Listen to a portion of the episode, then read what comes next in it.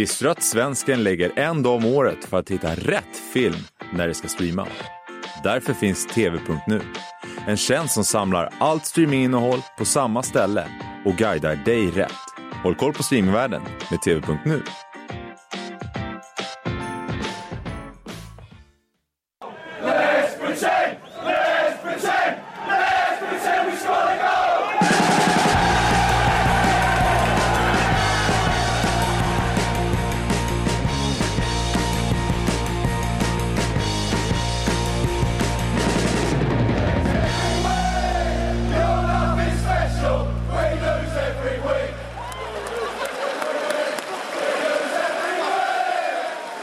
Sportbladets Premier League-podd eh, tillbaka. Det är eh, slutet på oktober någon gång. Jag, har glömt, jag har ingen koll på vad det är för datum just nu. Det är kallt som, 29. kallt som satan ute.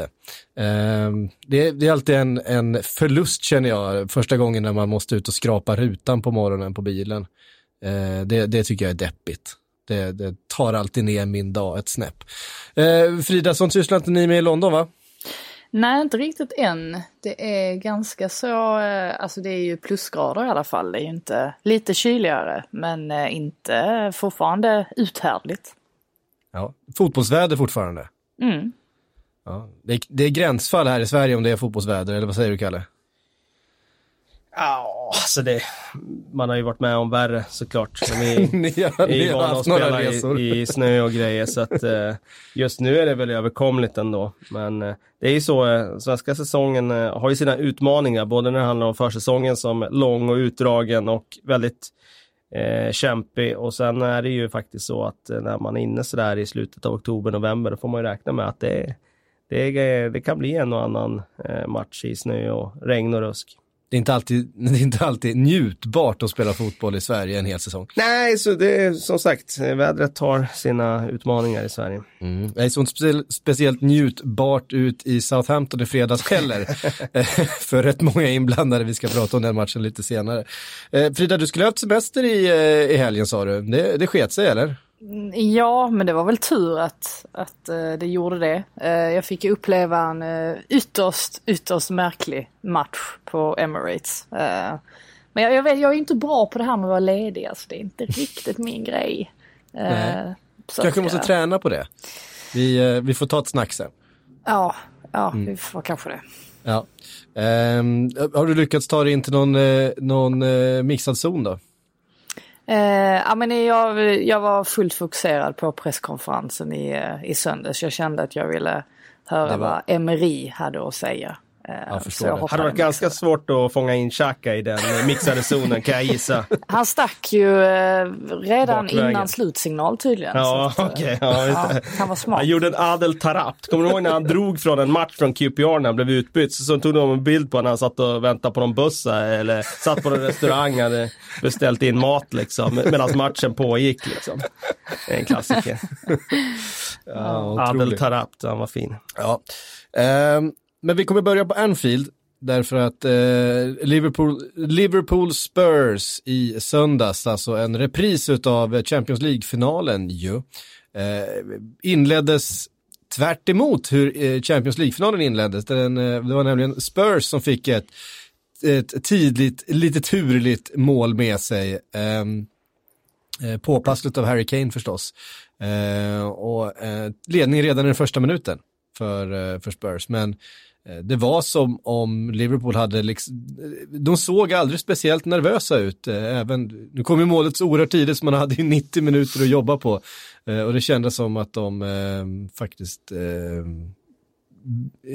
fann sig i den situationen ganska snabbt. Ja, eh, du, du gav ju någon statistik till mig innan vi, precis innan vi gick in i studion här. De har alltså inte förlorat på hemmaplan sedan 20, vad sa du? Våren? A- april 2017. Våren 2017. Har man den i ryggen när man går ut på hemmaplan och har i ryggen att man har startat ligan på det sättet som de har gjort, då är man ju ganska trygg i det man gör. Och eh, ett baklängesmål i minut ett, det tror jag inte är någonting som rubbar Liverpool i, i nuläget. Uppenbarligen inte, för som du säger så efter det målet sen så spelar de ju otroligt bra, eh, tycker jag. Eh, Spurs är ju inte något formstarkt Spurs såklart, så att det är inte något... Ja, det är ju inte samma slagstyrka på lagen som det var när eh, Champions League-finalen spelades. Då var det ju Spurs som hade väldigt mycket energi och kändes som att de levde på drömmen om att verkligen skriva historia medan nu är det en, eh, klubb och ett lag som eh, famlar efter sin identitet och, och kanske eh, står inför generationsväxling här också. Men eh, det var imponerande måste jag säga. Jag vill verkligen understryka det, att bara mala på på det sättet som de gjorde. Skapa chans på chans på chans. Och det känns inte som det finns något sätt att stoppa Liverpool när de är sådär. De har så många olika sätt de kan göra mål på. Och eh, Spurs, ja, de kändes som de trycktes längre och längre ner. Det var ju bara en, en väntan på att det där målet skulle komma och, och det kom till slut. Mm. Um, Ja, det var, det var, jag gissar, du satt på Emirates under tiden där den här spelades, eller hur Frida? Eh, ja, det stämmer. så jag vet inte hur mycket, hur mycket du har fått med dig från, från Anfield den här helgen, men eh, det blev eh, framförallt två stycken prestationer som har highlightats efteråt eh, från Liverpools sida. Det ena är Fabinho som väl gör sin bästa match i Liverpool-tröjan, kanske sin bästa match i karriären om man ska eh, hårdra det lite grann. Han, eh, han satte inte en, en fot fel, Kalle. Vad är, det, vad är det Fabinho gör som är så viktigt för det här Liverpool? Jag tycker han har alla de här egenskaperna för att fylla den rollen som en modern spelare ska göra i, i den defensiva mittfältsrollen. Han är en bollvinnare som kan eh, vinna bollen genom att vara stark. Han kan vinna bollen genom att vara smart i positionsspelet. Han kan fördela bollen, men inte bara slå någon Hollywood-passning som sitter på foten, en sån där 60 meters cross, utan han kan ju framförallt värdera och eh, styra rytmen i spelet på det sättet som vi har sett Fernandinho har eh, kvalitet för att göra i Manchester City. Och har man den liksom, kombinationen av att kunna vinna boll och fördela boll, eh, då har man ju väldigt, väldigt bra eh, liksom kvalitet för att, att, vara en bra sexa och det, jag tycker han, han just nu har han få övermän i den rollen. Alltså han, det känns som att det mesta går genom honom i, i Liverpool nu och det kanske, van Dijk är såklart den viktigaste spelaren, men Fabinho börjar segla upp för, liksom, till att vara en av lagets viktigaste spelare, för det är ingen annan i, i det laget som kan vara i den positionen och göra det som han gör vecka efter vecka.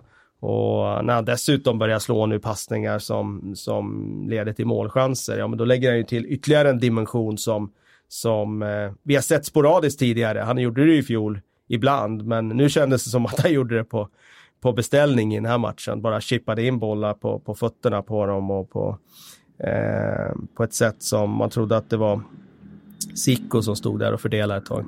Mm. Eh, den andra eh, prestationen som har fått mycket eh, uppmärksamhet efteråt och som föranledde en lång diskussion i Sky-studion bland annat var ju den om Trent Alexander-Arnold och hans eh, remarkabla statistik då eh, att han har slagit flest key passes, än fler än De Bruyne den här säsongen. Och att han gör det från en högerbacksposition. Eh, men det säger väl kanske snarare någonting om vilken typ av högerbacksposition han faktiskt utgår ifrån. För han har ju en Henderson intill sig som väldigt, väldigt snabbt och effektivt fyller upp bakom honom. Han, han eh, har ju bollen på offensiv planhalva mer än vad han har på defensiv. Eh, han, han blir ju en playmaker ifrån sin högerbacksposition. Eh, eh har jag rätt när jag, när jag beskriver honom så? Ja, alltså han är ju, man skulle kunna säga att han är ju han är lika offensiv roll som en gammal högermittfältare hade i ett rakt 4-4-2 på den tiden det användes. Eh, tänk David Beckham i Manchester United på 90-talet. Det är den positionen han hamnar i. Och nu mätte de inte key passes på 90-talet, så jag kan tänka mig att Beckham hade ganska många key passes eh, då med, med sin inläggsfot. Och det är ju... Eh, jag tycker det är ruskigt eh, imponerande att se eh, Trents eh, fot, hur han använder den både i inlägg, det vet vi att de är otroligt bra. Crossbollar är ju helt fenomenala. De eh, sitter ju oftast på foten eh, gång på gång. Han piskar ju ibland in, de gångerna han ligger lite lägre i position och får stå den första passningen i uppspelet, då kan han ju piska in bollarna mellan linjerna på ett sätt som få eh, försvarare kan göra på det sätt som Steven Gerrard kunde göra på sin tid och Xabi Alonso kunde också göra det. Ehm, så att hans register i passningsspelet, det är ju Ja, det är ju för att vara ytterback, jag skulle säga 10 av 10 och med hans ålder och ha det, det är ju ja, det är häpnadsväckande. Det är ju ett sånt där vapen fasta- också som man fasta- hoppas Fasta att... situationer. Ja, det är ett sånt där vapen som man hoppas att Gareth Southgate ska kunna använda sig av. För det har han ju inte riktigt gjort i landslaget.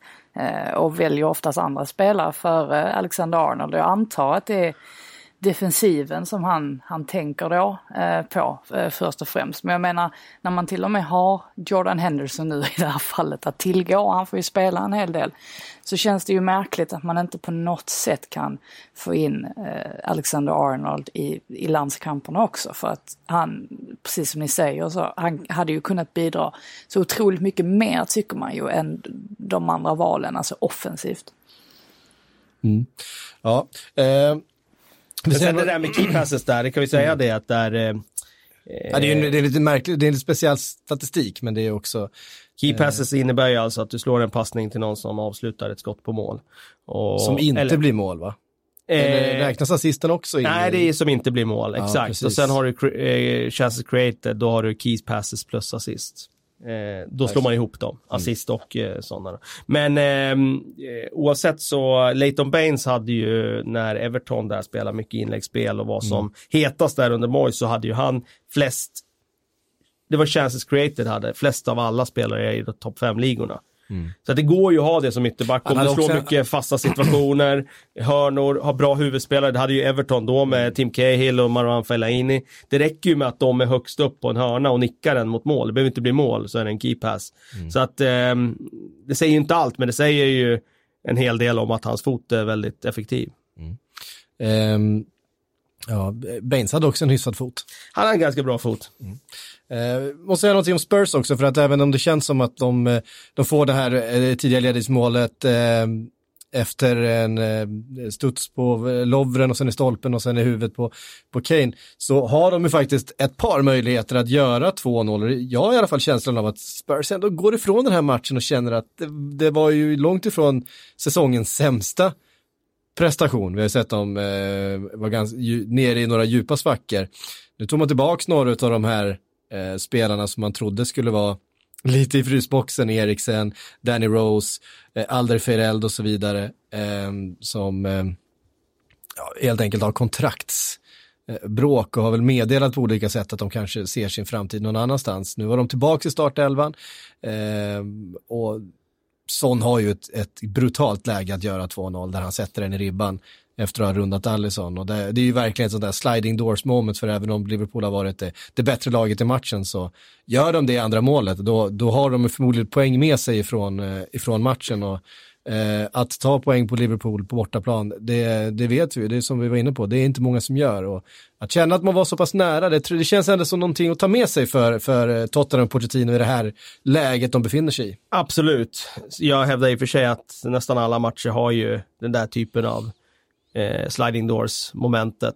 Kanske inte på St. Mary's i fredags där, det kanske inte fanns så många sådana, men, men ja, kanske något du kan leta gräva fram. Men, men, eh, men visst, det var, det var ju såklart eh, en avgörande situation. Får de 2-0 där så blir det en annan sak. Och någonting måste de hänga upp det på och jag tycker att eh, det fanns saker i, i Spurs anfallsspel när de kontrade lite i första där som, som såg, såg intressant ut. Men eh, det blir ändå så tungt mentalt att de inte får någonting av en sån eh, bra start borta mot eh, serieledarna och så vidare. Så att eh, det, det är i alla fall uppförsbacke för dem.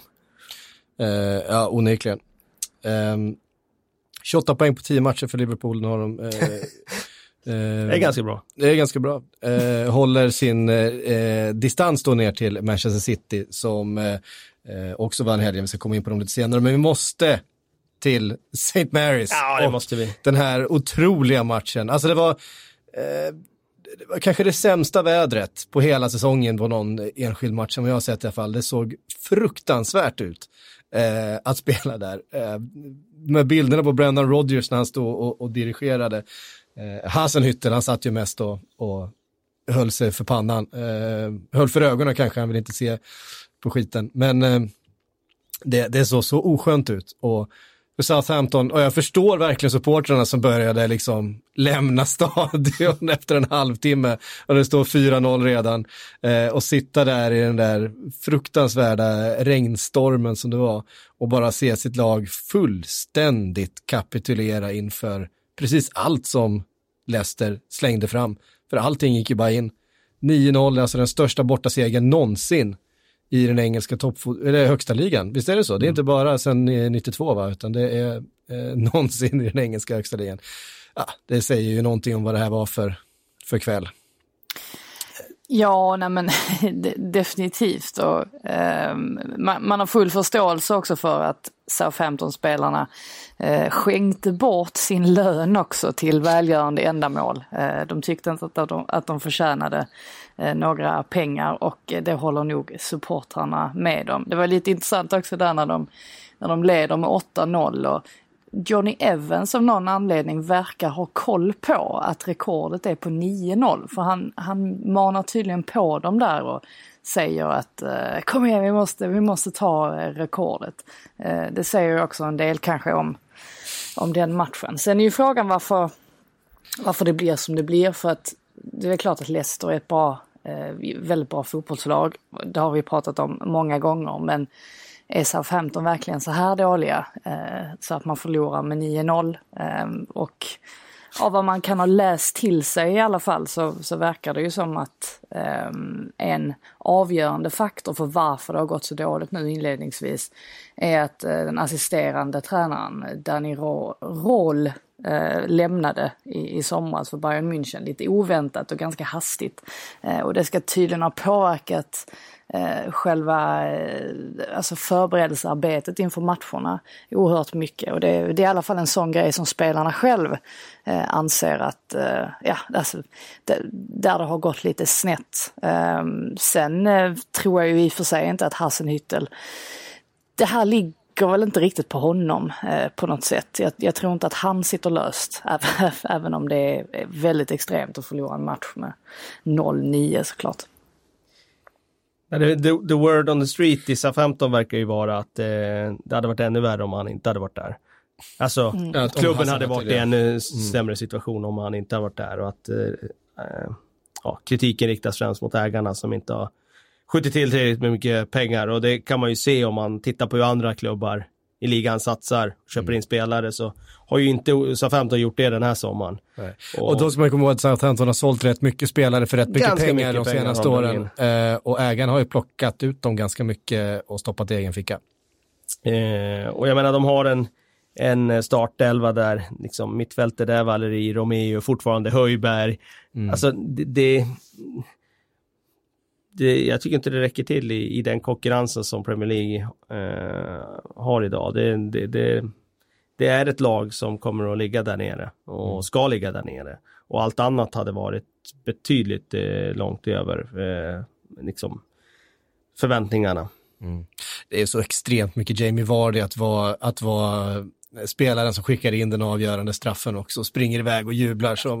ja, det var sjuka var att de jublar så mycket efter målen. Det var ja. liksom, det här är en sån här kulturgrej som verkligen eh, kännetecknar England, att eh, det finns ingen eh, barmhärtighet mot motståndare som, eh, som lider och ligger under. I Italien då slår man ju av på takten efter 3-0 liksom av. Ja. Liksom. Nej, men det, det är ju en sån där kulturgrej som verkligen är ja. så här. Det, det 3-0, ja, men då, då, ska vi inte fortsätta. Vi minns, liksom. vi minns ju klassikern, alltså Mourinho eh, till Conte. Du, ja, du firar inte sådär vid 4-0. Nej, liksom. just det. Just det. Eh, men många jämförde då med, med USAs seger över Thailand i, i VM i somras. Just det. Så vi slutade 9-0 också va? Ja, det var, det var, mer. Det var tvåsiffrigt. Uh, men det var men, jag tycker att det är annorlunda, så det är en helt också, annan situation. Eh, alltså, här är ändå två lag som, befinner, som spelar i samma liga. Ja, alltså det är, det är ja, jag menar, 15 hade ju kunnat vunnit matchen. Ja, det är, det, det är skillnaden att ett, lag med, full, med heltidsproffs eh, från USA möter ett gäng amatörer från Thailand som har halkat dit på bananskal och är glada att få vara med överhuvudtaget. Precis. Eh, att, att springa ut och, och slita av sig tröjan vid, vid, vid 10-0. Ja. Eh, men det, ändå Jamie Vardy, han, eh, han hatar det inte. Han, han hatar inte att vrida om kniven ett varv till. It's Jamie Vardy. It's Jamie Vardy. Ja, hon tog tillfället i akt där. Ja, och, och Rebecca fick en riktig, fick en riktig slam dunk där alltså. Eh, Hon har ju lite PR, PR-problem just nu, eh, Rebecca Vardy, att jobba med. Eh, Hon är ju inte superpopulär. Eh, Efter avslöjanden om att hon har snitchat på, på Colleen Rooney, det är, det är fortfarande så jävla bra den här historien. Ja, Eh, den, tog en, men- eh, den tog en ny vändning i, i fredags där när hon skickade ut den där tweeten. Ja, precis. Det, dels för att hon gör det, för att hon också, det blir på något sätt ett erkännande, jag känner det som ett erkännande lite grann. Hon bekräftar allt. Ja, jag tycker det. Ehm, annars hade, hade, hade hon inte, känner jag, haft eh, lika lätt eh, att, att skämta om det så Ja, snabbt det. efter. Om Ja, det var, det. Ja, hon var du totalt. Det är en indiz i alla fall. ja, om hon var totalt oskyldigt anklagad för någonting här, då hade hon inte, tror jag, kunnat skämta om det på det här sättet en vecka efter. Kan vi eh, säga att det här är ett, eh, en indicie som håller i rätten eller? Ja, det är ju ni två som är Palmespanarna här. Ja, så, just det. eh, ni, får, ni får avgöra det. Eh, men eh, ja, jag, jag, tycker att det är problem, eh, problematiska omständigheter. Eh, åtminstone. Men eh, ja, det säger ju någonting om Leicester också att man eh, har haft en spelare som har Jose Perez som bonus den här säsongen. Han har mest spelat på, eh, suttit på bänken, kommit in i matcherna, nu startade han och gör hattrick direkt. Eh, visst att han, han gör hattrick i den här matchen när precis allting eh, går deras väg, men det var ju faktiskt väldigt fina mål han gjorde, eh, fina avslut ehm, eh, under matchen. Jag såg den inte från början. Det är ju sån här klassisk, man märker hur det bara så plingar till i telefonen. Vad fan är det som händer på St. Mary's? Och så slutet på första börjar man snegla lite i telefonen så under, under fredagsfilmen hemma då. Så andra, andra halvlek, vänta jag ska bara, bara titta lite grann, en liten paus och så när sista kvarten då, då har man tagit över tvn och resten av familjen har fått flytta på sig någon annanstans. Ehm, Det som var ett sliding doors mom- moment här till att det rann iväg i siffrorna var ju Bertrands, eh, Bertrands ut, utvisning där. ganska i- hårda röda kort ändå va? Ja, det var väl det. 12 minuter redan. Då ligger de under med 1-0 och där direkt efter rinner det iväg till 2 och 3-0 innan det har gått 20 minuter eller något För visst är det i samband med, han får det röda kortet efter målet va? Eh, det, det är en, de har fördel av boll tror jag, eh, vid 1-0 målet. Och sen springer domaren efter de gjort mål och ger honom det röda kortet så att det blir en som en dubbel. Okej, Det är jag missade riktigt- det. Det är riktigt Jag tung, såg inte matchen där. Nej, det är en riktigt tung minut där. Eh, Jag gjorde som det, jag slog på den senare. man märker att det här, det här måste Det man var ta del av. intressant. Det var ju en väldigt intressant statistikuppgift där också i den matchen. Var det Ja, så? precis. Um, Tale of two families eh, har de då beskrivit. Det är då Angus Gunn, eh, målvakten i Southampton, eh, vars pappa Brian Gunn eh, också var målvakt i, i engelska högsta ligan för, eh, jag vet inte vilket lag han spelar för, men han förlorade en match, han släppte in sju mål i en match. Norwich, var det inte det? Eh, var det Norwich han stod i? Ja, Ehm, och de är då det första eh, far och son eh, duon att släppa in sju mål eller mer i en och samma match. Intressant då att den andra matchen där ett lag har vunnit med 9-0, vem som stod på den vinnande sidan då, det var ju Peter Schmeichel i Manchester United när de slog Ipswich med, eh, med 9-0 på Old Trafford. Så att eh, de är eh, förmodligen det enda eh, far och son-duon ja, i högsta ligorna världen över skulle jag tro som har stått på den vinnande sidan i en 9-0-seger eh, i sin karriär. Eh, det här är viktig, viktig statistik att ta med sig. Det är sånt där som hamnar i historieböckerna. Kasper som till och med gjorde sin 500 match i engelsk fotboll. Var det det dessutom? Ja. Var Det var bra, eh, viktigt sätt att fira på. Fan 500 matcher är mycket. Mm. Är det till och med fler än vad pappa gjorde? Nej, Nej, alltså för, för många olika klubbar då ju. Så att jag vet inte riktigt. Absolut. Men Peach Michael spelade också för några år, ett par klubbar innan han kom till Manchester United. Jo, men det kan det vara i och för sig. Ja, jag vet inte. Jag ska kolla hur många matcher han gjorde totalt i engelsk fotboll då. Mm. Om vi vill ha den. Ja, jag vill ha den. Ehm, men eh, Leicester imponerar ju och eh, är med där uppe. Två poäng bakom Manchester City efter tio omgångar. Eh, Han gjorde 602 matcher i ligan totalt.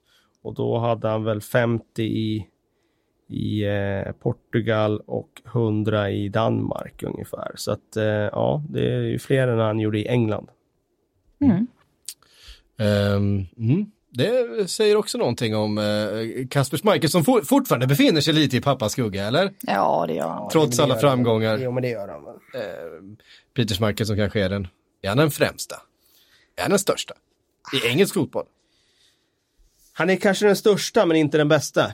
Nej. Eh, alltså, han var en väldigt stor stjärna då och det, man har en tendens också att eh, kanske eh, bygga upp det som var och komma ihåg de ljusa stunderna och glömma bort tavlorna som, som de spelarna gjorde på 90-talet. Men eh, han är definitivt eh, den största målvakten i Premier League. Får nog säga under Premier League-eran får man säga. Ja, under Premier League-eran, exakt. Till, Ja, exakt. eh, till några andra. Sådär. Men eh, från eh, Southampton, eh, Leicester då. Leicester uppe på eh, tredje plats på samma poäng då som eh, Chelsea. Det har blivit ett litet, eh, ett litet, litet glapp där. Det var, som någon sa, det var lite daylight mellan eh, plats fyra och plats fem just nu. Det är fyra poäng som skiljer där. Så det kan vara en liten utbrytargrupp då med eh, Manchester City, Leicester och Chelsea. Och det på grund av att Arsenal, som ju var eh, en del av den eh, följarskaran, den jagande gruppen som man hade sagt i cykel, eh, tappade poäng hemma mot Crystal Palace. Du var där Frida. Det var eh, stormande känslor framförallt. Ja, man vet knappt var, var man ska börja. Alltså, man fick ju, det var tur att jag fick sällskap till tunnelbanan av en eh, kollega så att man kunde liksom gå igenom matchen en gång till för att det var så mycket som hände och så mycket intryck och eh, framförallt eh, ja, väldigt, väldigt mycket känslor. Redan från start egentligen för att Arsenal inleder ju väldigt, väldigt, väldigt, väldigt bra eh, första kvarten och eh, leder med 2-0 efter eh, två hörnor då. Eh, där bland annat då Granit Xhaka eh, är inblandad i, eh, i eh, en av dem. Nickar ner bollen till Sokratis som gör mål, sen utökar David Luiz. Så då tänker man väl lite grann att det här säkert kommer att bli en sån där kväll som det blev, eller eftermiddag eh, var det ju då, eh, som det blev på Tottenham Stadium när Crystal Palace eh, totalt kollapsade. För att det känns som att de är lite så att antingen så, så går det bra eller så går det oerhört, oerhört dåligt. Eh, men de kommer ju in i matchen igen och det gör de ju mycket tack vare det här VAR-beslutet då när Zaha går omkull när Chambers sträcker ut sitt ben och Atkinson faktiskt tar upp det gula kortet och hävdar att Zaha filmar. Eh, VAR eh, kliver in, eh, gör om eh, beslutet eh, och hävdar att det är straff istället. Och så plötsligt så är det 1-2 Eh, då, då blir det på något sätt som att ja, men Crystal Palace kommer in i matchen igen och det är väl lite där det börjar krackelera för Arsenals del. Um, sen, ja, vad, vad händer sen? Alltså, Arsenal, de, de tappar kontrollen egentligen skulle jag säga efter paus eh, över matchen och, och Palace är egentligen ett tag där betydligt närmare att få in en kvittering. Uh, vilket man också kan, eh, ja, alltså vilket de också till slut får då. Ehm, och då sker ju det här, alltså kort därefter så sker ju det här omtalade bytet då när Granit Xhaka ska kliva av till förmån för Bukayo Saka. Eh, jag vet inte, ska, vill ni prata Men om vi stannar där bara. Ja, Om vi stannar där bara. men vad, vad tyckte du om bytet när det skedde? Alltså var det rätt att byta ut honom som du såg det? Jag har inte sett matchen. Ja, alltså så här upplevde väl jag det. Alltså som sagt, Arsenal hade tappat kontroll helt över matchen.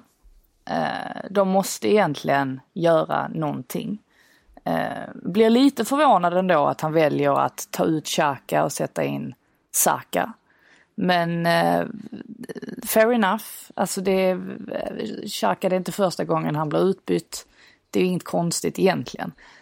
Och jag vet att när jag, när jag såg det här live, min första känsla var att varför springer du inte ut till sidlinjen? Alltså Granit Xhaka, han, han ser sitt nummer, han blir säkert sur omedelbart, eh, vilket är liksom fair enough. Men han liksom börjar gå långsamt, långsamt, långsamt ut mot sidlinjen. Och sen är det ju som att, och då, då väcks ju någon sorts alltså burop på läktaren. Alltså inte sådär jättekraftigt ändå. Men sen ju, ju, mer det eskalerar, när han sliter av sig bindel, ja, då, då, blir, då börjar det buas ännu mer. När han sen eh, kupar handen vid örat och, och skriker fuck off, alltså då är det ju till slut, det är ju liksom kaos på, på, på läktarna i princip. Så i, i mitt huvud så är det som att det är väl klart att men det har varit mycket snack nu i efterhand om att ja, men publiken ska inte bua åt sin lagkapten. Nej, absolut, men samtidigt så en lagkapten måste vara större än sån där. Han måste, han måste orka stå emot trycket och även om det är 5% på läktaren som börjar bua och sen till slut var det ju betydligt fler såklart för att det var många som blev provocerade av det. Så man kan inte bete sig sådär, tycker jag. Eh, det är trist att han får ta så mycket skit, absolut. Det måste vara fruktansvärt eh, ibland. Eh, men han är, han, han, är, han är lagkapten så han ska kunna hantera den typen av situationer. Tycker jag. Sen var det inte rätt att utnämna honom till lagkapten från första början. Men det är ju en helt annan diskussion. Nej, det är ju alltid lite uh, udda det där, men det, det, vi har varit inne på att Arsenal ju saknar en naturlig lagkapten. Uh, vem ska annars vara då? Ska det vara David Luiz som kom in för tre månader sedan? Ska det vara Guendouzi som är 20 ja, men år gör, gammal? Men gör Bejerin till första kapten och så, och så ger, gör uh, Guendouzi till vice till exempel. Är inte det en bra deal? Ja, Beijerin känns väl som den som är, är, är närmast. Är han, är han den som har varit längst i, i Ja, Arsenal det nu? är kanske. Det känns Men, nästan så. eh, en sån som Aubameyang då? Är inte han tillräckligt stor liksom? Men, nej, men han är ju största stjärnan, men är han verkligen... Nej, det, det, vet- ja, det vet man ju inte. Nej, alltså, det- det har man ju ingen insyn i. Det, är så. Men eh, det är sån extrem brist på alternativ. På ledarfigurer Ja, i det laget. Så att ja. eh, det blir ju, det innebär ju att man fiskar liksom efter Ja. vem som skulle kunna ha det. Eh, Ja, och spelarna verkar ju ha stått bakom utnämningen av Ja, de ska ju ha röstat om det, Ja. vilket är ovanligt eh, ska jag säga i England. Jag tror inte de röstar så mycket i England utan det är nog mer managern som bestämmer vem man sätter den på liksom.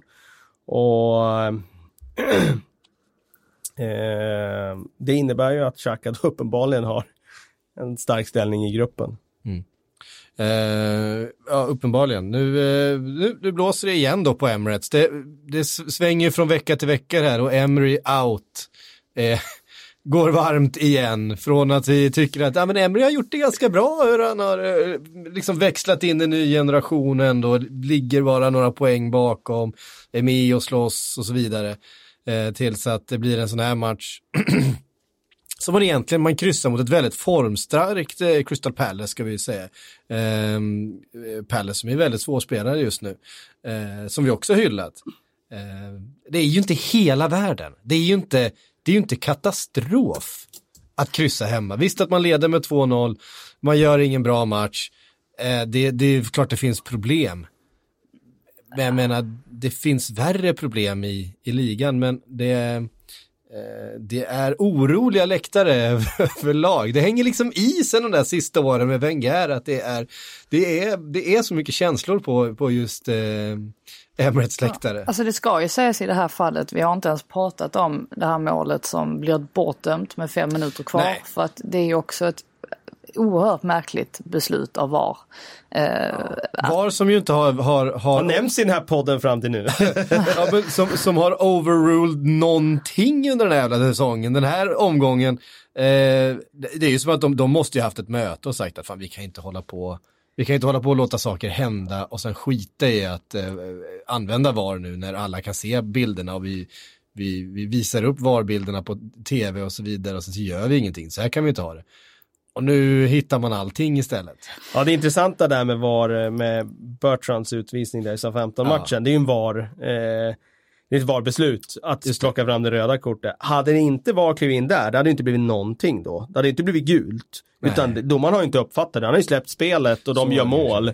Och sen eh, kommer det röda kortet ut upp när VAR liksom tittat på situationen. Det är klart, visst, dobbarna sitter i vaden, men jag hade nog kunnat nö- nöjt mig med ett gult kort på den ändå. För att, eh, intentionen, det är ingen fart i det, han kommer inte med fart, han står still när, när tacklingen sker och så vidare. Eh, så att ja, det, det blir väldigt godtyckligt, det blir det. Och sen så är det ju, visst att han trampar honom lite på foten, eh, Chambers då, i, i situationen, men vad fan, det, det händer ju hela tiden, de står ju bredvid varandra hela tiden och, och trampar runt och, och liksom ja, det är kamp, om, kamp om bollen. Det är ju bara kamp om bollen liksom, ja. det är ju ingenting. Jag tycker det. Nej, det var helt, helt obegripligt i alla fall, men Eh, även om de skulle ha fått in det målet eller att målet skulle ha godkänts så det, det, alltså problemen i Arsenal försvinner ju inte riktigt. För att det är ju ständigt det, man ser liksom ingen förbättring riktigt i, vad gäller spelet och det blir ofta så här att alltså när de leder med 2-0 de ska inte släppa in två mål på hemmaplan mot Crystal Palace. De måste kunna kontrollera matchen bättre men ständigt det här med att de, eh, det var samma sak egentligen när de mötte Watford eh, på bortaplan, att eh, de kan få in ett par mål och sen så är det som att de bara, de bara lämnar över bollen till motståndarlaget. Det, det kan man inte, det, det, funkar inte i längden. Och Emery han, han, han sa någonting om, man hör ju inte allt han säger, men han sa någonting om att eh, nej men det blir ju så att motståndarna de trycker ju på för att de vill Eh, de vill få in ett eh, snabbt eh, reduceringsmål och sådär, eller kvitteringsmål. Ja men absolut, men det betyder ju inte att ni ska tillåta dem att göra det. Alltså det är någonting i Arsenal som inte riktigt fungerar och det hade ju inte försvunnit även om Sokratis mål hade godkänts. Eh, nej, så är det ju verkligen. Men... Bara en annan grej där, om man eh, struntar i VAR, men är det inte ett helt overkligt beslut av Atkinson att varna Wilfried Zaha? alltså vad, hur kan han få det till det? Okej okay då om man inte tycker att det är straff, men hur kan han få det till filmning? Ah, alltså... Alltså, eh, Chambers blir ju, blir ju förintad utav, eh, utav Zaha Precis. där. Han, han, han hänger ju inte med alls. Men där tror jag att domarna går för mycket på alltså spelarens historia. Alltså det har varit inblandat ja. tidigare att han kanske ramlar enkelt någon gång. Plus att han, han, han gör sig till lite i luften så han förstärker väl sin, sin, sin rörelse lite men han blir ju fälld. Ja, det är solklar straff och hur det kan bli varning det, det är nog bara Atkinson det, som vet. Det var lite intressant ändå för att eh, Mark Clattenburg han har ju sin berömda kolumn eh, varje måndag. Det är alltid intressant eftersom det sker minst ett konstigt domslut varje, varje helg och läsa vad han säger säger. Och han tyckte att Atkinson gjorde rätt. Att eh, det var filmning på Zaha och att det inte mm. skulle ha varit straff. Okay. Eh, och, och jag, jag kan köpa det lite grann för att vi har sett ganska många sådana här typer av situationer där det inte har blivit straff. Eh, PP hade ju en för, för inte särskilt länge sedan. Eh, som var ungefär lite liknande, att han sökte den, absolut. Men det var ett ben som var liksom fram, framställt som han trillade över. Jag tror Harry Kane också. Det var nog när de mötte Newcastle, var någon liknande situation där. Eh, som inte blev, som inte blev straff. Mm. Men, men ja, det är väl lite, återigen, det är väl kanske upp till bedömaren eh, att avgöra. Eh, men eh, nej, den är, där finns en del att diskutera kring den i alla fall. Ja.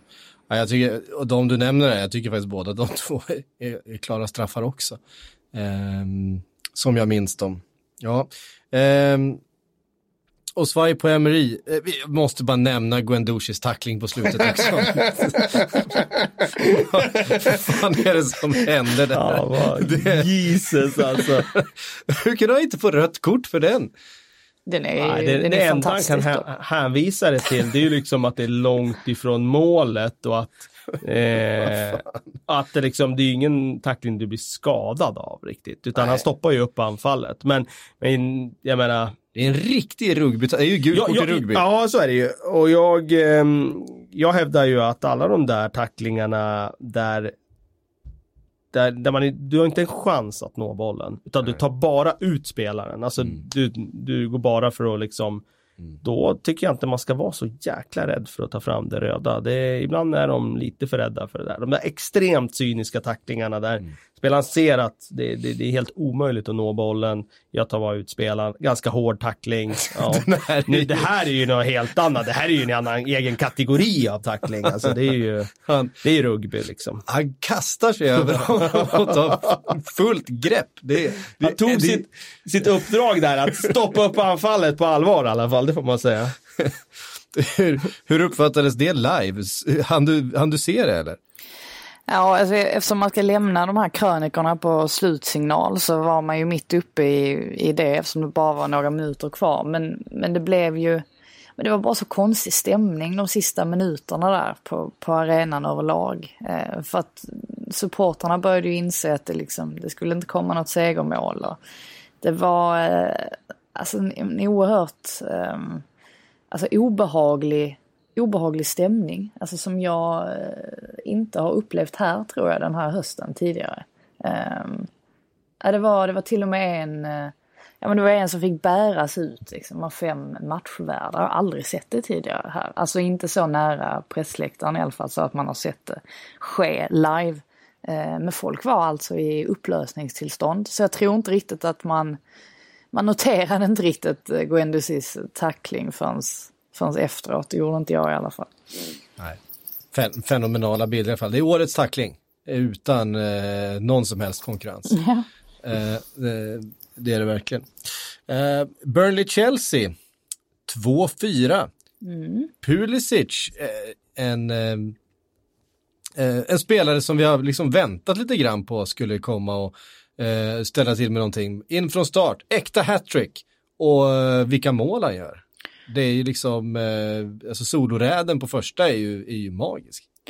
Ja, sen har han ju lite flyt också kan man tycka för att det är ändå tre Burnley-försvarare i, vä i vägen. Eh, och bollen går liksom, alltså smiter perfekt emellan. Och jag tyckte lite mm. synd om Burnley också i den här matchen för att det var inte många misstag de gjorde och ändå så släpper de in så många mål och matchen dör liksom.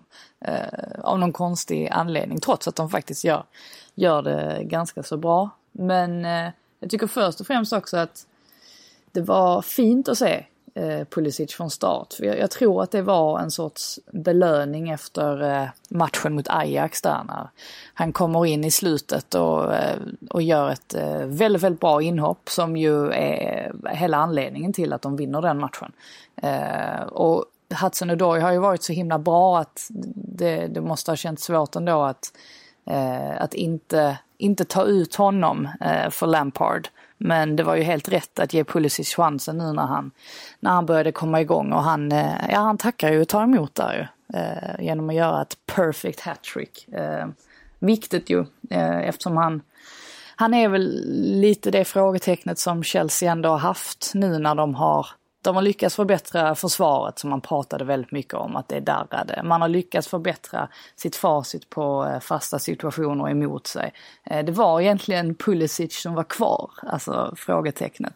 Eh, så nu, ja, nu är han väl ett, ett utropstecken då. det får man säga. Man får ju också säga att får de igång honom här nu, då ser det ju oförskämt bra ut. Ja, alltså, ja det är ju, ju bakåt som det, som det svajar lite grann då. Visst, man kan inte riktigt försvara sig när Jay Rodriguez gör som han gjorde. Eh, jag vet inte hur många, hur många, meter det var från målet när han, när han nöp till, men, men, eh, men offensivt ser det ju riktigt bra. Så kom ihåg att ehm, eh, Chelsea spelar utan Kanté till exempel i den här matchen som ju i min värld fortfarande är deras absolut bästa spelare. Eh, ja, och han har ju egentligen inte spelat, han har ju bara spelat med Liverpool den här säsongen ja, i princip. Eh, då har han varit bäst, han varit bäst på plan i båda de matcherna. Ja, men ändå så eh. lyckas de, eh, det är det som, som, som jag är så himla imponerad av, att de ändå har lyckats få den här balansen. Eh, mm. Och eh, ja, att de hela, hela tiden har tagit steg, alltså varje vecka så har de ser till att eh, skruva på saker och förbättra. Ehm, och, det, det, det, är liksom en jämn kurva som stiger gradvis uppåt. Vilket ju bådar väldigt gott om det ser ut så här redan nu. Alltså vad, när Lampard har fått eh, en hel säsong på sig, alltså hur ser det ut då? Sen kommer ju kraven givetvis höjas, alltså ju bättre det går desto högre blir kravbilden från supportrarna. Men jag tror att de flesta som håller på Chelsea idag, de, de mår nog oförskämt bra. Alltså med tanke på vad man hade för, för förhoppningar och sådär innan, innan säsongen. Ja, eh, och de är som sagt, de ingår i den där lilla utbrytargruppen då, precis bakom eh, eh, Liverpool med Manchester City på 22 poäng och sen då Leicester och Chelsea på 20 poäng och sen är det ett hopp på 4 poäng då ner till Arsenal på 16 poäng. Ehm, så att det, det är, alltså Lampards aktier just nu, de kunde ju nästan inte varit, varit starkare. Eh, alltså han har ju överträffat precis allas förväntningar, eh, skulle jag säga. Det, det, går inte annat än att bara lyfta på hatten ut åt eh, den här säsongsinledningen och framförallt då med tanke på att han eh, det var ju inte alla som var övertygade om, om Pulisic, även om han hade varit eh, väldigt bra i Dortmund så har han ju inte, han har ju inte varit Dortmunds outstanding player de senaste åren. Han har ju fortfarande varit en spelare med, liksom, med talang och framtiden för sig och med, med en potential. Det var ju lite rotation där under förra säsongen. Ja. Alltså inte supergiven i elvan. Nej. Ehm, eh, faktiskt, att han har kommit in och ser så här bra ut, han har fått igång Abraham och han har fått igång eh, Mount. Eh, Mason Mount och Tomori. Eh, och, och, Tomori och så vidare. Det är, eh, ja, men vi var inne på det förra veckan också, det börjar bli en, ett, ett riktigt fundament för någonting att bygga på. Vi kan ju... det, var, det var någon som skrev en artikel i, som jag läste bara i all hast. Jag har inte läst hela artikeln, men jag såg bara inledningen på det, just att Eh, Frank Lampard har lyckats med något så komplicerat som att han har gjort eh, Chelsea likable. på väldigt kort tid. Och det, det, är liksom så här, ja, ja det ligger det, alltså, allting, ja, allting som man hör om Chelsea nu är ju positivt. De släpper fram unga spelare och spelar bra fotboll, de gör mycket mål, det är kul att se dem spela. Eh, liksom de utvecklar spelare och så vidare. Det, det är inte den bilden som omvärlden har haft av Chelsea senaste 15 åren. Eller 20 åren för den. Nej, och jag tror att det, där är en sorts, eh, alltså det är en sorts glöd hos spelarna också. Alltså Lampard har lyckats eh, alltså få dem att dra åt samma håll allihopa. Och det spelar ju säkert in att ett gäng av de här spelarna har ju liksom haft Chelsea i hjärtat alltså under alla år och, och, och vill spela för klubben och, och liksom uppskattar det väldigt mycket eh, på grund av det. Men även en sån som liksom Jorginho och, eh, och sådär. Och eh, liksom spelare vi har pratat om att de kanske börjar liksom sjunga på sista versen som, som Alonso och Aspilicueta. Känns ändå som att alla eh, nej men all, all, alla, alla vill det här och, och liksom brinner, brinner för laget, alltså som Lampard har byggt. Och det är det som blir så imponerande, tycker jag, i mina ögon, att han, att han har lyckats med det. För att det, det är inte helt enkelt. Det är ändå stora stjärnor man har att göra med. Eh, men det är klart, han vet ju allting om det. Han står ju över dem också, Lampard. Alltså det spelar ju säkert in. Han har ju respekt i omklädningsrummet. Såklart, på grund av den han är. Mm.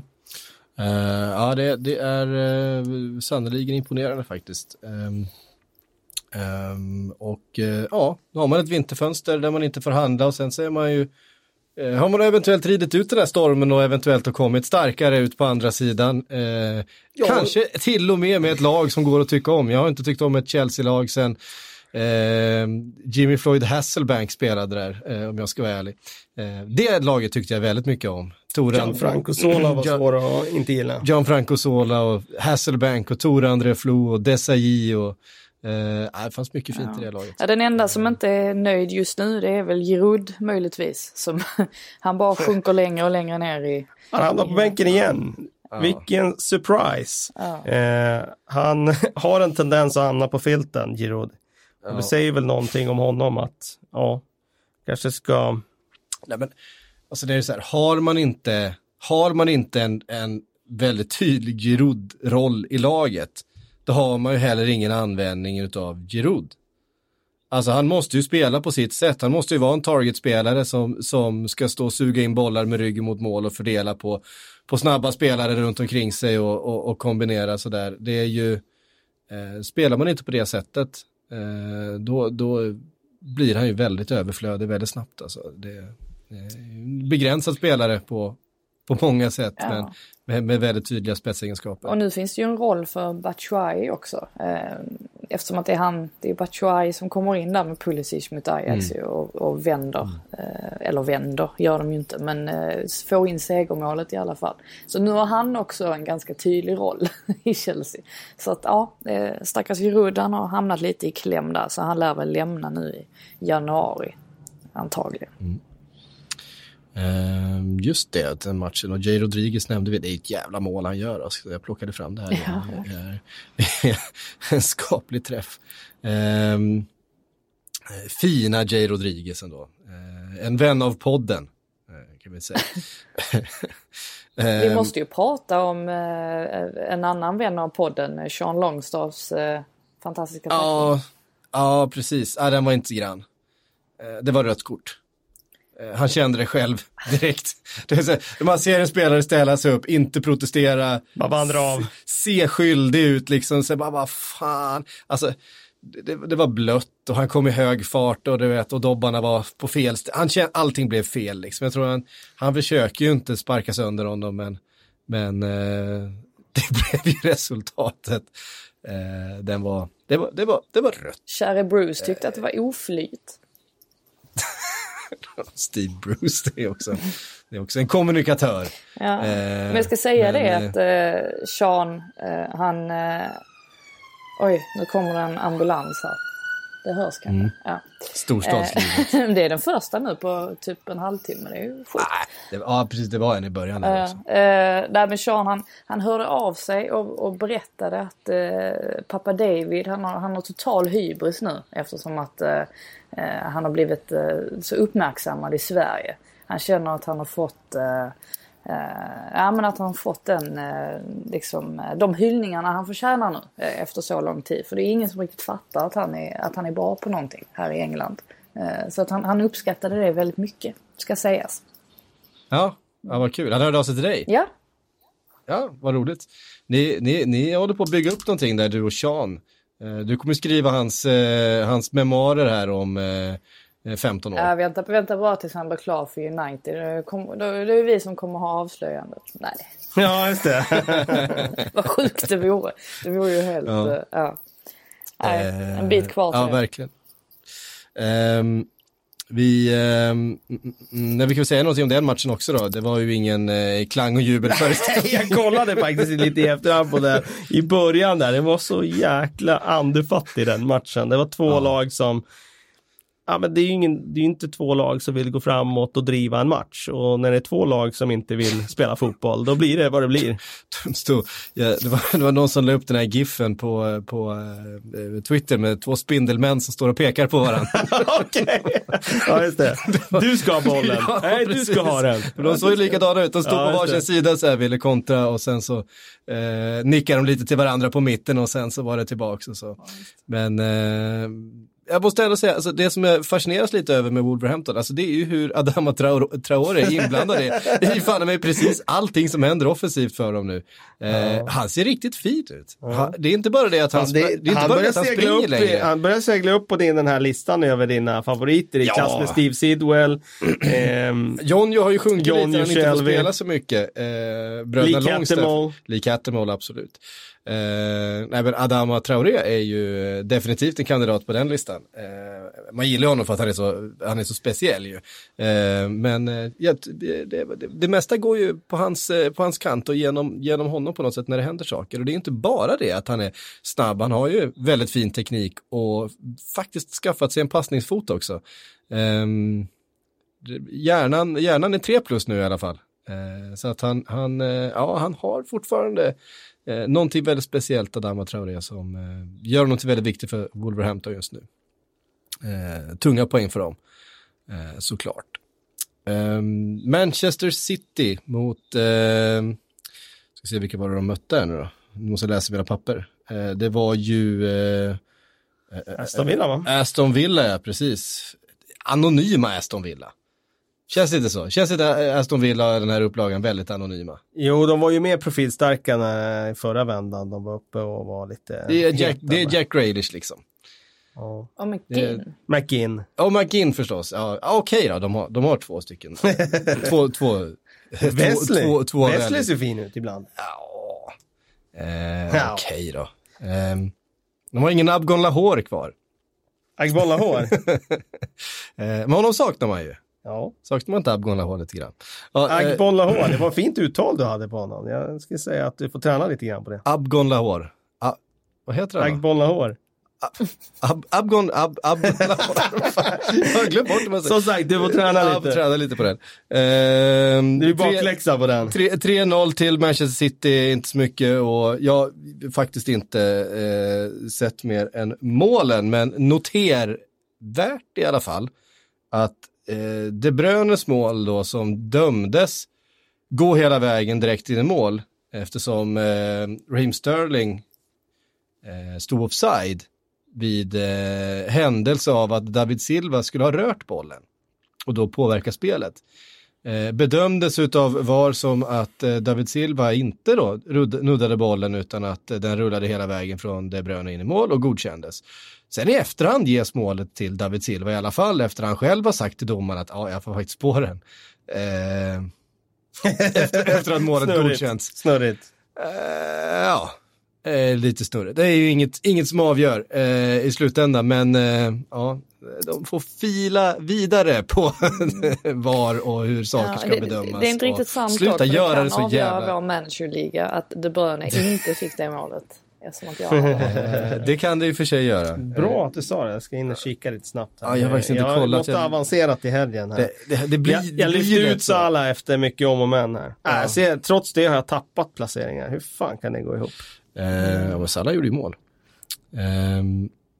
Ja, det blir ju lätt sådär i, i manager-sammanhang, va? den som leder är den som har bäst koll. Eh, Är det fortfarande du som leder Frida? Jag tappade ju ledningen. Jag ligger tvåa nu. Jag är inte jättelångt bakom eh, Erik Karlsson. Men eh, han, ska ner alltså. Jag, jag ska vinna det här. Det är Mm. viktigt. Ehm, precis, ja, men jag är på sjunde plats. Ja, jag, jag har passerat Kalle. Ja, det, jag, jag Ah. har släppt det här senaste veckorna. Alltså. Ja, Jag har varit inne i kvalbubblan vet du. Jag har inte är bytt så. ut spelare. Sitter man kvar där med spelare som man ser att de, oj, de var ju på skadelistan plötsligt. Money Street Preachers, där har vi mig för fan.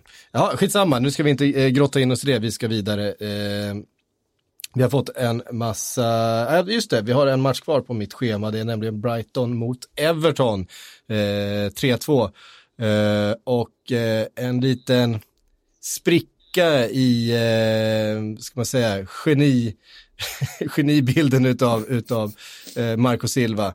Eh, Eh, igen då. Det, jag, jag, den, Hur många, gånger, hur många sprickor har du att laga i den där genibilden? ja, den, den är oerhört svårt att hålla ihop överhuvudtaget. Eller är det så att eh, du Att är så händig så att du lyckas eh, laga dem där? Du är ju händig och du spikar ju upp en del altaner och grejer. Ja, Eh, är det så att du lyckas laga de där sprickorna jag tror, tror inte ens från gång jag, till andan? jag tror inte ens jag lyckas få ihop en, eh, en genitavla utav eh, Marco Silva just nu.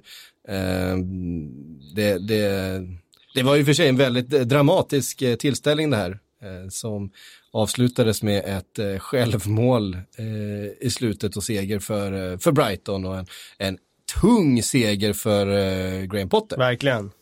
får man verkligen säga, som, som trots förutsättningarna eh, faktiskt eh, måste säga har gjort det väldigt bra så här långt med, med Brighton. Eh, tunga tre poäng här. Eh, är det någon som har med sig någon, någon ytterligare analys från eh, den här eh, matchen om Brightons spel eller eh, ska vi fortsätta såga Everton en stund till? Eh, nej. vi kan väl såga. vi, kan, vi kan väl såga. Det, de, de fortsätter liksom bara slarva bort de här eh, lägena de har och, eh, och spelet. Det, det stämmer inte och det, det rasar in bakåt. Det, eh, ja, nej, det, det ser eh, inte alls speciellt trevligt ut för eh, Everton för eh, stunden. Eh, vi har fått en massa frågor, det var det jag tänkte vi skulle eh, ta oss vidare till. Vi kan väl börja med eh, Arvid Johansson. Vad blir det härnäst för Hasenhüttel? Ja. Ja, jag tror inte det blir något härnäst, Nej. utan jag tror att han sitter ganska säkert ändå. Jag tror att det finns djupare problematik i SA-15 och de vet om att det finns det. Och om inte annat tror jag ägarna kommer bli varse om det från diverse håll att eh, de har en stor del själva i det här. Så att jag tror att han sitter ganska säkert. Men det är klart att det är inte kul att ha Manchester City nästa match, men någon slags eh, svar på det här resultatet måste de ju ge. Det måste ju ge en, en kämpainsats som i alla fall ger någon slags eh, liksom, förtroende och trovärdighet mot supporterskaran. Eh, ja,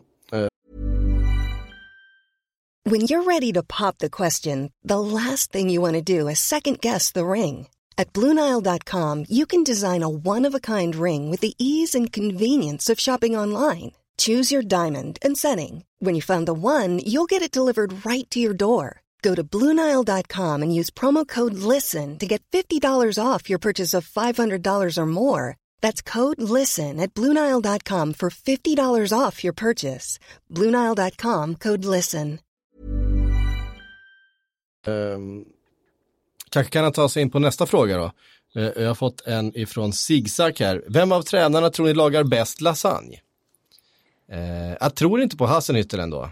Eh, det känns inte som en, eh, som en matlagare. Ehm, vi har ju inga italienska tränare kvar i, i Premier League väl va? Glömmer jag någon? Nej, Nej. jag Det att Pochettino har i alla fall ett italienskt efternamn. Det kanske hjälper på något sätt. Ja.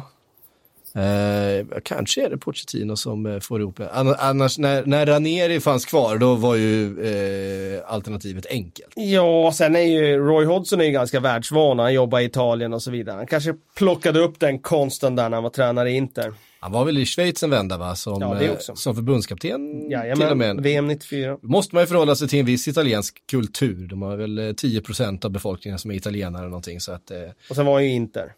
Och sen var han ju inte Ja, det var det jag menade. Ja, precis. Just det. Just det. Eh, det är klart. Ja, men då är det ju Roy. Eh, Är Roy egentligen bäst på allt? Ja, troligtvis. Ja, frågar du mig så är ju svaret ja. Frågar du Frida så ska han bort. Nej, han ska inte... Jag älskar Roy. Men jag, jag bara trodde att han var... Vadå? Har du han, vänt? han ska bort. Det, det har väl ingenting med det att göra om man tror vem, vem man tror bör få sparken först. Man väljer ju inte Ja, tycker det det sämst var. om. Eller det gör kanske Nej, det menar jag inte. Nej, det var inte det, det, var inte det jag menade. Jag menar precis det du sa. Att eh, du, du eh, räknar med att han får gå först. Mm. Ja, men jag, jag, jag, jag ville inte att det skulle hända och det har ju uppenbarligen inte hänt heller. Så att, men men han, han är underbar. Han får gärna vara kvar så länge han vill.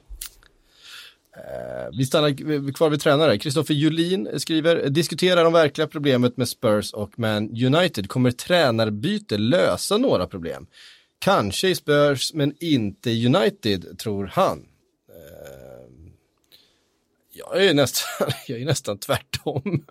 Jag tror att ett tränarbyte skulle få större effekt i United än i Spurs. Jag tror att det känns som att Spurs... Jag tror det skulle få effekt i båda. För att det får ju alltid någon slags effekt. På Så kort sikt. Eh, lång sikt så eh, finns det djupare problem i båda klubbarna. Och där är jag osäker på. Men på kort sikt så tror jag att eh, om vi bara pratar liksom den här säsongen. Alltså då tror jag att båda klubbarna skulle kunna få en effekt av ett tränarbyte, en ny röst. För det verkar vara som att i Spurs fall så verkar det ha gått lite luften ur eh, den gruppen och, och relationen mellan tränare, spelare, tränare, lagledning. Och i Manchester United så tror jag att skulle de få in ett stort tränarnamn så skulle det innebära en, eh, ett lyft. Kort sikt.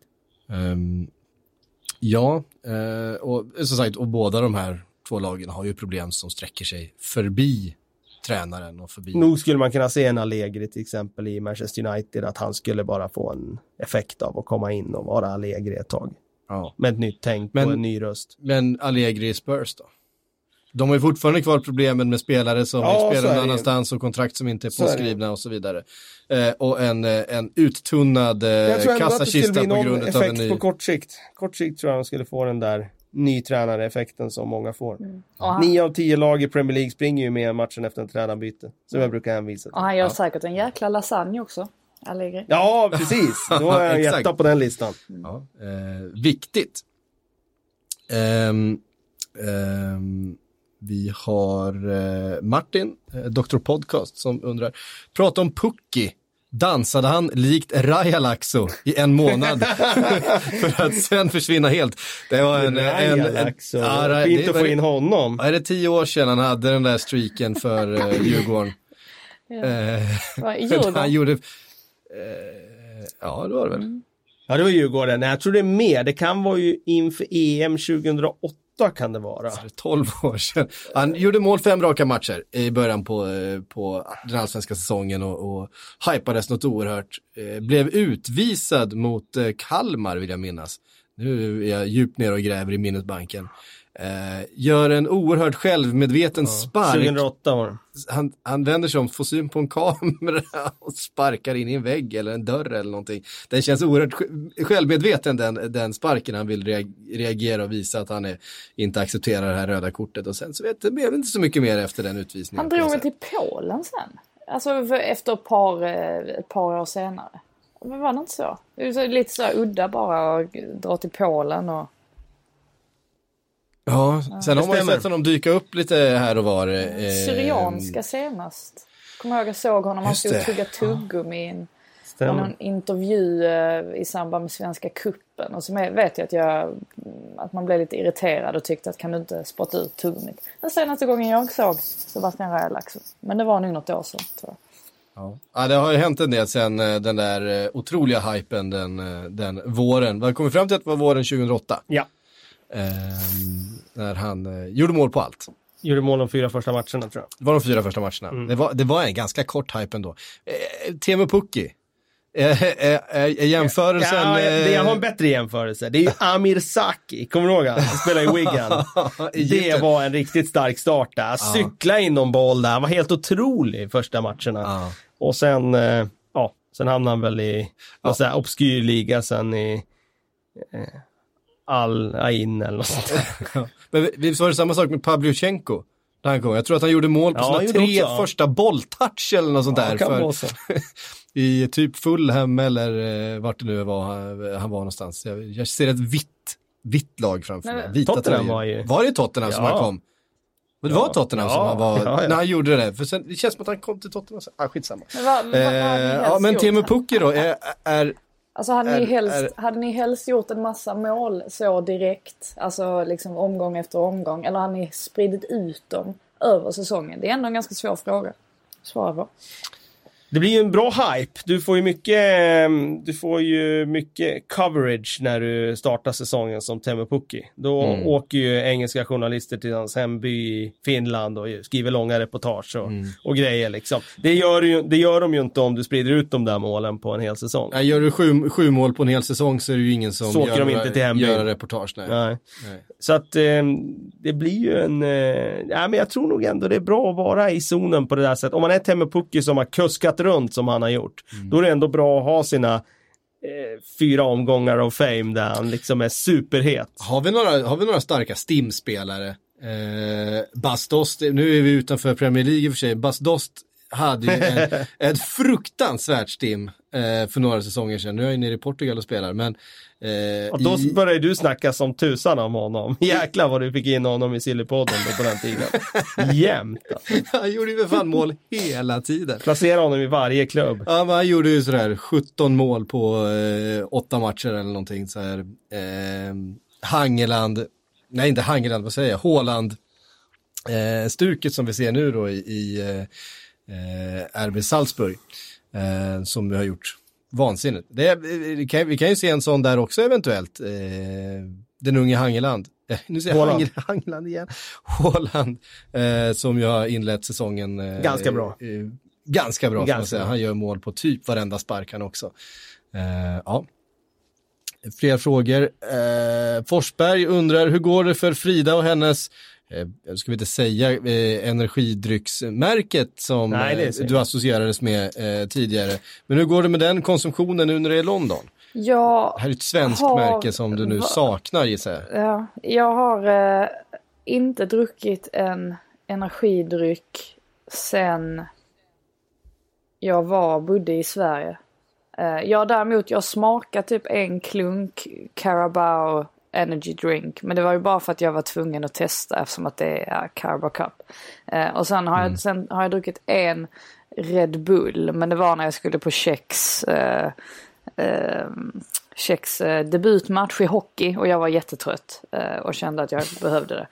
Eh, men i övrigt så nej, ingen konsumtion av energidryck. Jag har till och med slutat dricka läsk Något jag har gjort de Oh, senaste det är ju tio åren. Det är bara afternoon tea nu för tiden. Nej, bara, bara kaffe är det enda liksom som... Eh, alltså kaffe är ju inte dåligt men det är ju ändå koffein och grejer. Eh, och, så, och det förtär jag. Eh, och det, Ja, jag- det blir några glas vin då och då. Men an, i övrigt är jag ganska... Jag känner mig ganska clean faktiskt. Ja, det är starkt. Jag minns en, en förmiddag här i poddstudion när du hade fått i dig lite för många sådana där energidrycker. Jag höll, jag höll på att dö. Alltså då jag fick ju hjärtflimmer, alltså hjärtklappning och svettades. Var jätteobehagligt. Det var någonstans där det vände va? Ja, faktiskt. Det var, då, då såg jag liksom Gud på något sätt. Alltså, på andra sidan. Insåg att jag behövde ta tag i mitt problem. Du nådde botten. Mm. Ja, eh, vet ni vad, det var allt vi hann den här eh, tisdagen. Eh, tack Kalle för att du kom in. Tack, Kalle, tack Frida för att du var med från London. Nu fick, han jag inte pika Frida här för att det blir en ångestmatch här i sista omgången av Superettan. Det. Västerås SK har ju faktiskt eh, säkrat kontraktet där medan Trelleborg då har eh, en oerhört spännande sista omgång här. Där eh, de faktiskt kan hamna på negativt kval. Vad, hur har det gått med tränarbytet där egentligen? Och, och framförallt har de sprungit mer. Ja, det gick ju Ja, inte, det gick inte sådär jättebra i helgen mot J Södra. Men de, de ledde ju faktiskt. Och sen så, jag vet inte, får Isak Jönsson, han fick rött kort och så vinner J Södra med 3-2. Det är ju också en jäkla... Det är Heinz som har tagit över där va? Men det blir ju lite, där i sista matchen mot eh, Gais så blir det lite intressant för att i Gais mål så står ju Marco Johansson som lämnade Trelleborg innan säsongen. Så det är viktigt där. Det är viktigt att visa honom att han gjorde helt fel som lämnade. De är Det under är där vi riktar också. våra blickar i helgen. Superettans upplösning. Den är raffinerad. Mm. Jag tipsa alla Premier League-lyssnare om. Faktiskt. Ja, vi, skickar, vi skickar en tanke till Frida i London då, eh, beroende på hur det går för Trelleborg. Eh, vi vet att det kommer påverka ditt mående där borta. Ja. Eh, eh, åtminstone till viss del. Tusen tack för att ni har lyssnat. Vi är tillbaka om en vecka igen.